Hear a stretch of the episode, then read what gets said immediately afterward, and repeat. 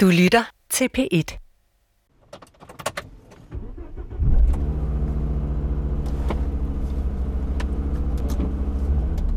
Miki har sendt mig til Jylland, for at jeg kan opleve noget jordnært. For jeg har brug for, at min forundring over naturen bliver konkret, hvis jeg skal tro på, at der er håb for fremtiden.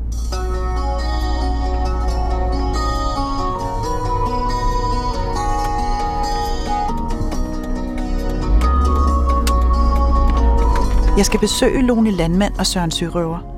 De har en gård i Odder. Med de navne tænker jeg, at de må være nogle rigtige økoflippere. Men Lone har foruden sin uddannelse som agrarøkonom også været traditionel svineavler og tilsynskvinde for andre traditionelle svinebrug. Og på gården dyrker de æbler, som bliver forædlet til museerne æblevin, som de sælger til de fine restauranter er du træt af syden, sne og slud Tag til det varme nord Tag til Costa Kalumborg Hej, hej Lone. Hej. Mit navn er Alberte Clement Meldal, Tak fordi jeg måtte komme. og jeg har glædet mig til en rundvisning. Altså sådan lige for at ridse, ridse øh, landbruget op, så har Ja. vi jo cirka 28 hektar, Ja. hvoraf at vi lever af træ. Resten har vi mere eller mindre givet tilbage til naturen på den ene eller den anden måde. Aha. Kan det løbe rundt? Det er der mange, der spørger sig om. Ja, og det er, det er ikke vores første prioritet om noget. På gården er der kaniner, gæs, geder, høns, to får og to løbeænder. Dyrene spiser ikke importeret soja og kraftfoder. I stedet hjælper de til på gården. Hønsene går i æbleplantagen og spiser de dårlige æbler, og snegletrykket holdes nede i vinmarken af ænderne.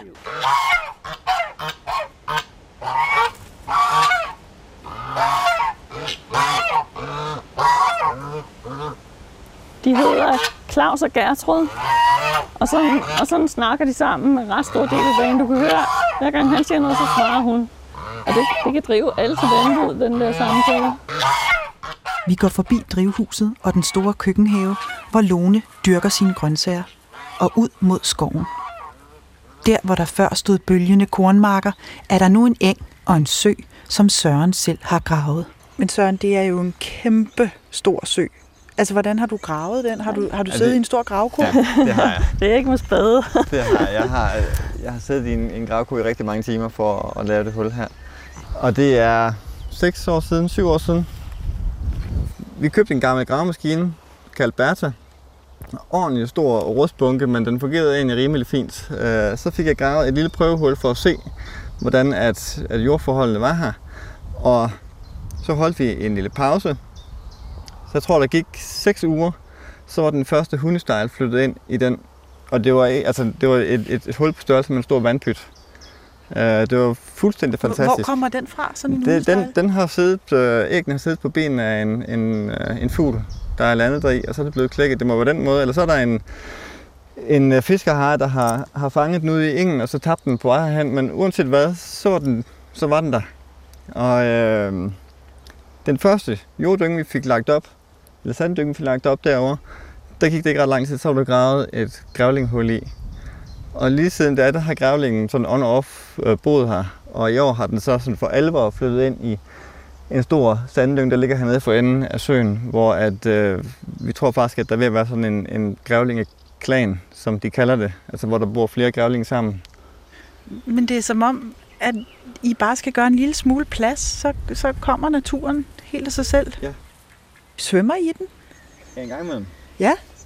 Det kan man godt. Det kan man godt, ja. Men en gang imellem om sommeren, når det bliver varmt nok, og man lige tager mod til sig. For den er jo den er ikke synderlig lun, sådan en sø. Den, den er båret af grundvand nedefra, så den er altid 8, 9-10 grader nede i, uh, i den dybde, jeg nu vil, vil ligge og padle rundt i med, med, min, med mine ben. Så den er jo en, Så, så når du siger, at man skal tage mod til sig, så er det fordi, det er koldt, og ikke Ja. fordi det er farligt. det er ikke farligt. Og der er nej. ikke nogen uhyre nede på bunden. Ikke, Ikke nu. Ikke nu, nej. Loch Ness. Ja. Ja, Men der er kildevæld i bunden. Altså vandet, vandet det stod bare op som sådan små søjler. Øh, nogle af de steder, hvor Søren gravede. Og derfor så er den meget klar, og det er meget frisk vand. Der er simpelthen en konstant fornyelse af den.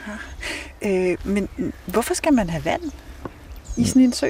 Jamen vand, det er jo, det er jo alt liv kommer fra vand, og det, øh, det er så tydeligt at se hernede, at der, der kommer nye insekter, der kommer nye fugle, der spiser insekterne, der kommer nye planter, som bliver bestøvet af insekterne, og så er der rovfugle, der spiser de andre fugle, der kommer og spiser insekterne, og vi har fået øh, grævlinger, vi har fået ræve, og Frø og padder. ja, og der er simpelthen muligt. så meget, der er dukket op. Ja.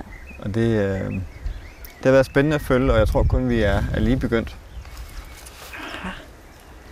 Skal vi ikke gå videre over til jeres øh, skov herovre bagved? Mens vi går videre, udpeger Lone og Søren ligger- alle de dyr, som bor sammen med Her. dem. Der kan man se rådyrenes aftryk simpelthen. Deres, Leje. Ja, leje. Deres liv er kun muligt, fordi Lone og Søren har lavet græsset gro og skoven stå. Øh, ser I dem? Jamen, så tit man vil. Ja. Altså, man kommer herude, så ser man dem.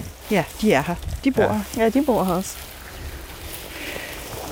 Den skov, vi står op af her, ja. den er på et par hektar eller sådan noget, og det er en gammel fredskov, så det vil sige, at den, den må man ikke bare fjerne. Man må sådan set gerne have skovdrift i den, ah. men det Søren og jeg gør, det er, at når der er gamle træer, som går ud, så får de lov at blive derinde. Og nu den ser helt grøn og tæt ud herudefra, men, og vi vil ikke gå ind i den med bare ben og alt det. Men der ligger kæmpe store gamle træer, øh, som giver grobund for en hel masse insektliv. Der er spætter derinde, der hamrer på de der stammer og sådan noget. Så når de store træer går ned, så får de bare lov at blive der. Og en gang imellem, hvis, hvis der er træ, der vælter herude i skovbrynet, vi kan komme til, så tager vi det hjem, så vi kan holde varmen om vinteren. Men som udgangspunkt, så bliver træerne i det stykke. Og så har vi de der 2,5-3 hektar på den anden side, hvor vi er ved at plante ny skov, som så kommer til at hænge sammen med det gamle fredskovstykke før eller siden. Så vi planter træer hver eneste år. I udvider altså Ja. øh, skovområdet. Ja, så har vi den lille mark bagved. Der er også en hektar, ja. Ja, og den, den får lov til selv at springe skov for at se, hvordan det virker. Der gør vi ikke noget som helst andet end at, end at vende spændt. Vi, vi, jeg skal lige høre, er, altså, er I stort set selvforsynende?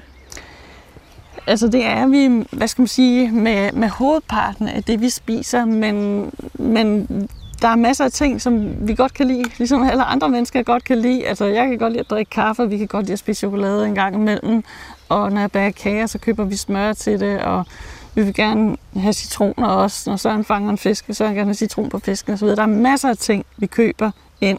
Øh, Vi dyrker heller ikke korn på arealet længere, som du kan se, så vi køber også øh, mel herover fra Samsø, når vi bager brød, og det gør vi også selv. Så der, der er rigeligt sådan set at købe, men, øh, men hovedbestanddelen af vores kost, den er her fra gården. Og så har vi også den tilgang til mad, at det vi spiser skal helst være i sæson. Og det betyder at når vi begynder at stille og roligt ud på efteråret og kun have kål og kartofler tilbage, og vi ved, at sådan ser det altså ud helt indtil april måned igen. Så hvis vi skulle regne i supermarkedet for at købe noget mere interessant, så var det strengt taget også kål og kartofler, vi skulle tage der, fordi det var det, der var i sæson alligevel. Ikke? Så Jamen altså, stop lige en halv spiser I kål og kartofler i et halvt år. Og vi spiser det strengt taget året rundt. ja, Ja. Det er bare i vinterhalvåret, Så så er er der der ikke ikke så lige meget så meget ved siden af. Men vi spiser rigtig meget kål og kartofler, ja. Bliver man ikke træt af det? Ja, Søren er enormt dygtig til at lave mad, og gør det faktisk hver eneste dag. Så øh, jeg bliver jeg bliver aldrig træt af at spise øh, Sørens mad. Søren er meget, meget dygtig. til Men, men det kræver retter. det så. Det kræver det så. Altså faktisk. Ja, det kræver, man laver mad. Altså, når man også er god til at lave mad. Fordi ellers kan det da godt blive ret kedeligt med kål og kartofler. Ja, jo, det, det, det er rigtigt nok, men det er jo... øhm, Altså man kan sige, måske er det i virkeligheden råvareudvalget, der gør, at man bliver god til at lave mad. Øh, Hvad, hvad mener du med det? Jamen, man bliver, man bliver tvunget til at gøre noget andet, for så bliver man jo bims, hvis man skal spise det samme hver eneste aften. Så, så eksperimenterer man, og så lærer man. Altså uanset om vi er færdige klokken, klokken 9 eller klokken 10 om aftenen på gården, så går jeg i gang med at lave mad, og det tager halvanden time. Og så spiser vi. Det er uanset hvor træt vi er. Det tager halvanden time at lave en god ret med kål og kartofler. Det gør det. Mens vi taler, og- og, og mit min, blik vandrer øh, ud over landskabet, opdager jeg Min- nogle store hvad- hvad- industribygninger. Det? Min, øh, min frygt for gentagelser. De står i skarp kontrast også, til jeg den landlige idyl, to som vi dage. står midt i. Det I beskriver, nu står vi med ryggen til jeres skov og kigger ud over marken, som får lov til at vokse øh, relativt vildt. Men så lige i på den anden side af jeres mark, så ligger der et, et stort, en, en stor øh, svinefarm. Det gør der. Hvad?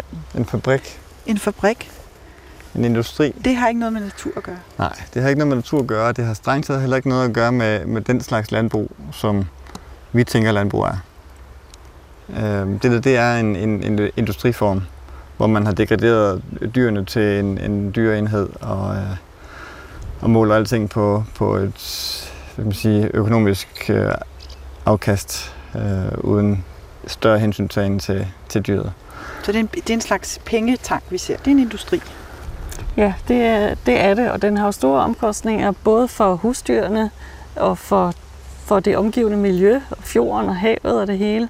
Hvordan Men- det er? Fordi den ligger jo sådan pakket ind i øh, altså en, en stor øh, bygning, og Ja. der er nogle store tanke om bagved. Ja. Og, men altså i, i den bygning, som ikke er forfærdelig stor i forhold til det antal dyr, der er, der er 1400 søer øh, på årsbasis, og der bliver produceret ca. 40.000 grise derinde, som bliver pakket i lastbiler og kørt sydpå til opfedning. Det er enormt mange dyr på så lille et areal, og udledningerne fra de dyr, de bliver spredt her i området selvfølgelig. Men det er også enormt ressourcekrævende at lave foder til alle de dyr. Der skal dyrkes rigtig meget korn og raps og mange andre afgrøder øh, med et stort forbrug af sprøjtegifter. Der skal importeres GMO-soja fra Sydamerika typisk, som skal fragtes hertil. Så, så det, det påvirker langt mere, end den bygning bare ser ud til, som den står der med en lukket facade. Ikke? og, og hvad bliver der af, af, af grisene? Altså, hvad bliver de til? Pølser, skinker, hakkekød? Alt, Ja. alt, hvad folk vil have at spise. Ja. Spiser I sådan noget kød? Nej. Hvornår har I sidst gjort det? Altså, jeg har ikke, jeg har ikke spist kød i, jeg tror det er 15-20 år, men det, jeg har ikke helt talt på det. Så du spiser slet ikke kød? Nej, jeg spiser ikke kød. Hvad med dig, Søren? Spiser du kød? Jeg spiser kød. De sidste fem år, der har jeg kun spist kød fra dyr, jeg selv har slået ihjel. Øhm, sådan, det startede egentlig lidt som et eksperiment for at se, hvordan at, at det ville ændre mine kødvaner. Og nu er det bare blevet en, en måde at leve på. Men, men det ville jo blive et frygteligt griseri, hvis alle mennesker skulle slå øh, de dyr ihjel, som, som de selv skulle spise. Altså, øh, Det tror jeg faktisk ikke. Så vil nej. de spise meget færre dyr. Det vil komme ret nemt. Ja. Tværtimod, så vil det blive meget mindre griseri, end den måde, vi har dyrene på nu. Griseri. Ja. Fik I den? Ja. Øh, men, men Søren, når du siger det med sådan en stor overbevisning, er det så fordi, det er svært for dig at slå dyr ihjel? Ja, Helt klart. Og det er ikke blevet bedre over, over de år, hvor jeg har gjort det. Der, der er ikke noget som helst sjovt ved at tage livet af et dyr.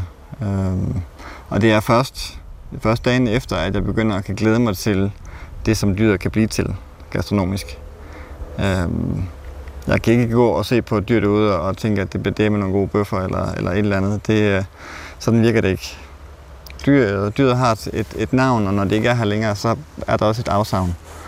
Og det, øh, altså, det, det, det kan man smage, når man spiser kødet. Men nu, nu bor I jo så altså ret tæt på den der svinestal. Hvad øh, fylder det for jer, at den ligger lige der ved siden af jeres gård? Det, det, der rammer os hårdest, det er, at vi kan høre, at grisene skriger. Og det gør de om natten, når de bliver fanget og skal læses på lastbiler. Det gør de om dagen, hvis de skal håndteres, og de er påvirket af det på en eller anden måde. Så der er meget skrigeri for dyrene derovre fra. Men hvorfor skriger de? Øh, Grise, de skriger, når de er presset. Altså, det kan være, fordi de er angste, det kan være, det er, fordi de er stressede. Det kan også være den anden gris, der står oven på dem. Eller, altså, der kan være mange grunde til det. Men altså, de skriger, i princippet siger du, de skriger af samme grunde, som mennesker skriger. Ja, det er, der, det er der ikke nogen forskel på. Altså, en, en gris, der er i, i ro og harmoni med sig selv, den skriger ikke.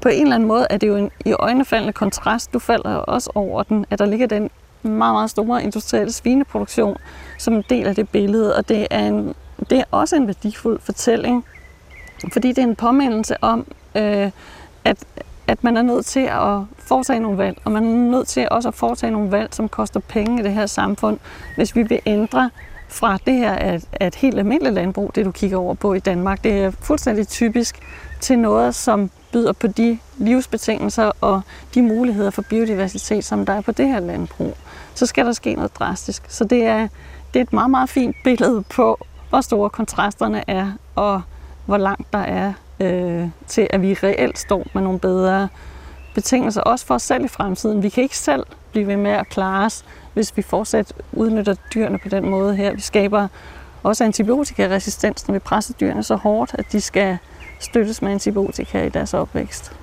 Så, så det du siger er, at det går altså ud over os selv, at vi behandler dyrene I sådan? høj grad. I høj grad. Har I grise her på, på gården? Ja, vi har en. Vi har solens maskepot, der hjælper os i kartoffeldyrkningen. Nå, hvordan går det? Jamen, hun har en, en fold øh, et år, og øh, når hun så har gået på den fold, så har hun gødet den, og hun har spist alt det flereårige ukrudt, tisselrød og senegræs og sådan noget. Alt, alt det, der er rigtig svært for landmænd, der ikke må bruge sprøjtegifte og komme til livs. Men det klarer Smaskepot. Hun spiser sig igennem det hele. Smasker sig igennem det hele. Simpelthen, ja, med stor vellyst.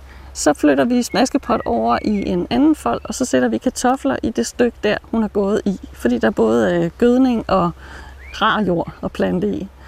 Og når vi så ikke synes, vi kan høste flere kartofler, så lukker vi Smaskepot tilbage, og så går hun det hele igennem en gang til, og så spiser hun alle de spildkartofler, der ligger tilbage, så vi ikke får en opformering af sygdommen i kartoflerne, og så rydder hun det hele på ny, og sådan kan vi cirkulere hende rundt i foldene.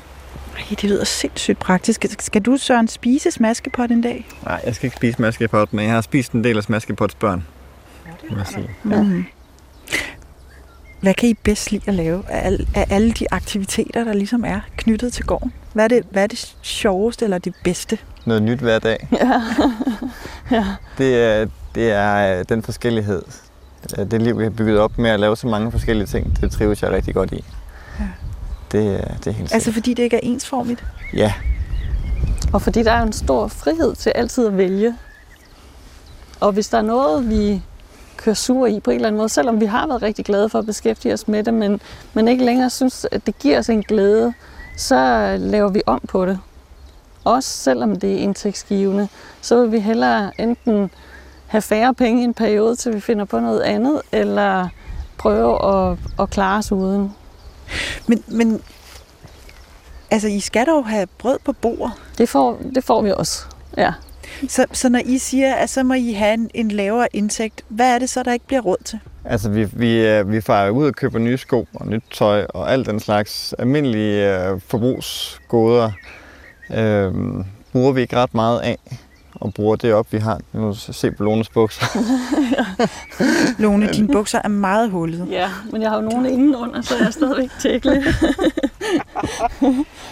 ja. Ja, du skal have nogle nye snart. Ja, men Ja. ja. Jeg, jeg, ja, som Søren siger, det er ikke det, vi bruger flest penge på. Og, og øh, når jeg køber tøj, så køber jeg det også typisk i genbrugsforretninger. Og, og hvad med frisøren? Og... Det kan du også se på vores hår. Massage Vi har langt hår begge to, vi går slet ikke til frisøren. og massage, det må vi give hinanden. Der, er- der er mange, mange muligheder, hvis der er tilstrækkeligt stor velvilje. Så vi, vi bruger ikke mange penge på, på forbrug. Vi tager heller ikke på, på flyrejser, og øh, i det hele taget holder vi ikke meget fri, og, og det laver os ikke så meget tid til at bruge penge. Det hjælper gevaldigt på det. Øh, for hvis det var sådan, at vi havde fri og vandre nogle steder, så kunne vi jo selvfølgelig ikke lade være med at bruge penge. Vi er også almindelige mennesker. Men øh, altså, som det er her på gården, øh, på vores hverdag, så mangler vi ikke noget som helst. Mm, men hvad så, når vinteren rammer odder, og alt er mudder, og det er mørkt over det hele? Kunne det så ikke være rart med sådan en tur til sydens øh, varme? Så kunne det være rart med lidt flere penge til, øh, til at fyre for inde i huset, så vi ikke frøs så meget, som vi gør. Det er sådan set det, vi drømmer mest om. Ja. Mere, mere varme om vinteren. Vi behøver ikke tage til sydens sol. Vi kan bare øh, en, en pind med til brændeovnen vil være dejligt.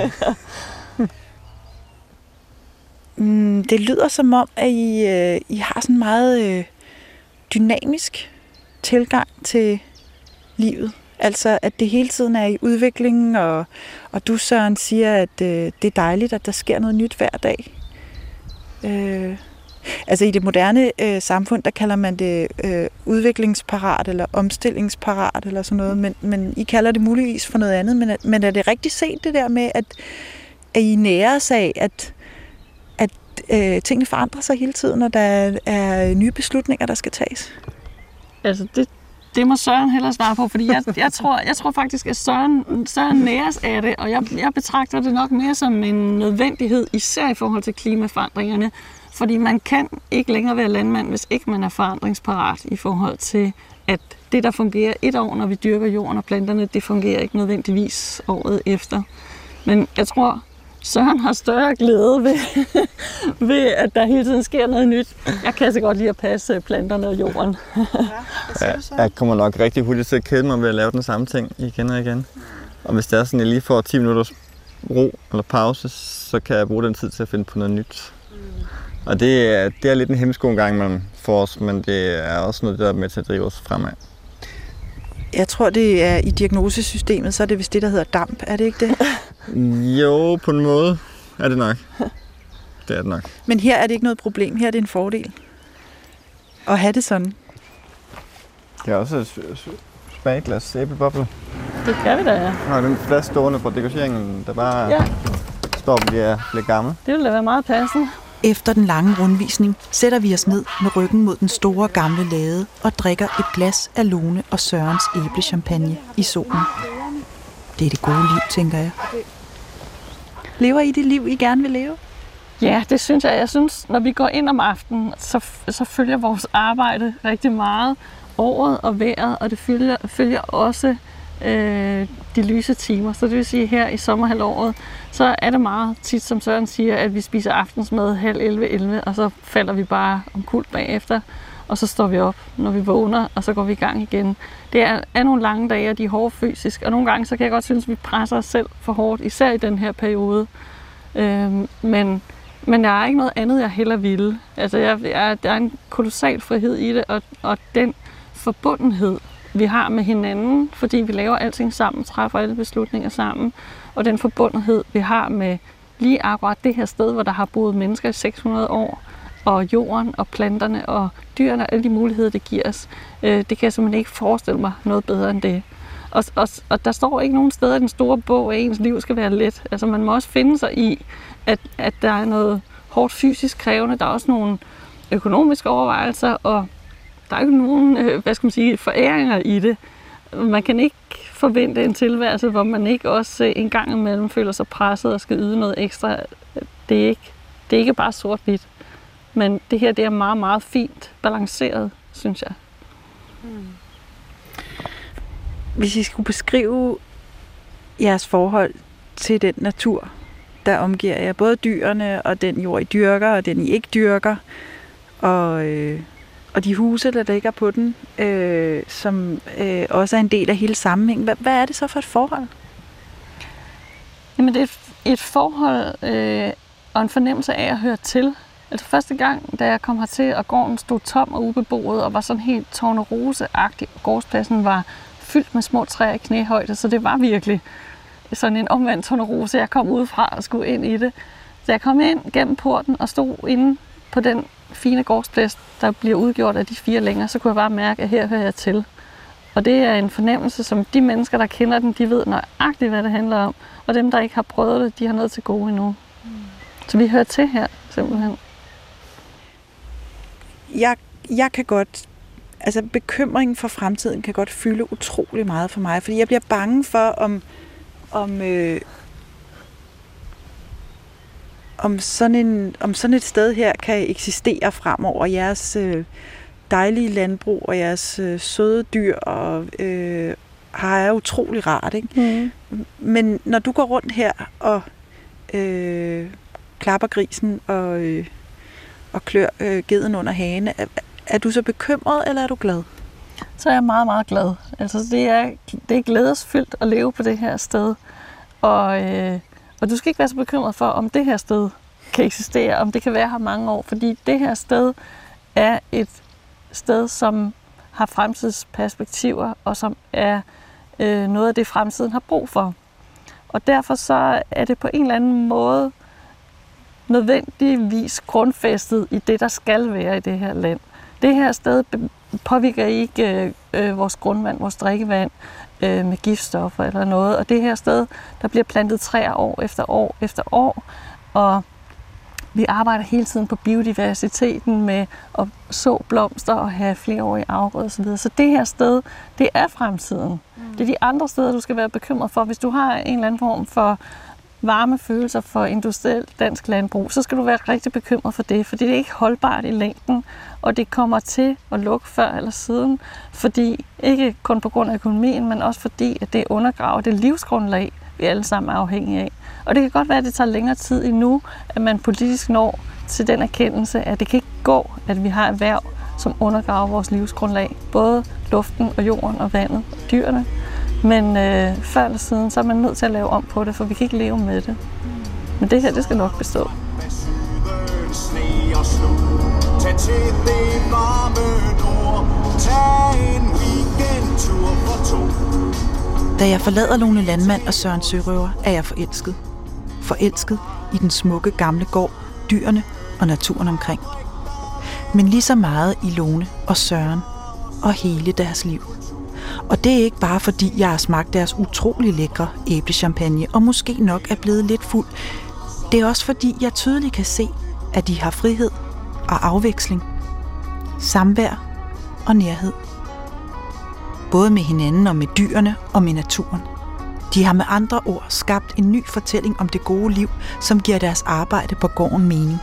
Det vil jeg også have noget af, tænker jeg. Men egner jeg mig virkelig til at blive økologisk gårdejer? Og hvem skal så lave den her serie færdig? Der er mange spørgsmål, som rejser sig. Miki Geris. Tag til Costa Calombo Hvor de slanke palmer står Og sejrene fra brisen Bag Jens Hansens bondegård Fang en hej i kølebugt af kærlighedens frugt Rejs til Danmark Det er billigt, det er smukt. Du kan høre flere P1-podcasts i DR's radio-app. Det giver mening.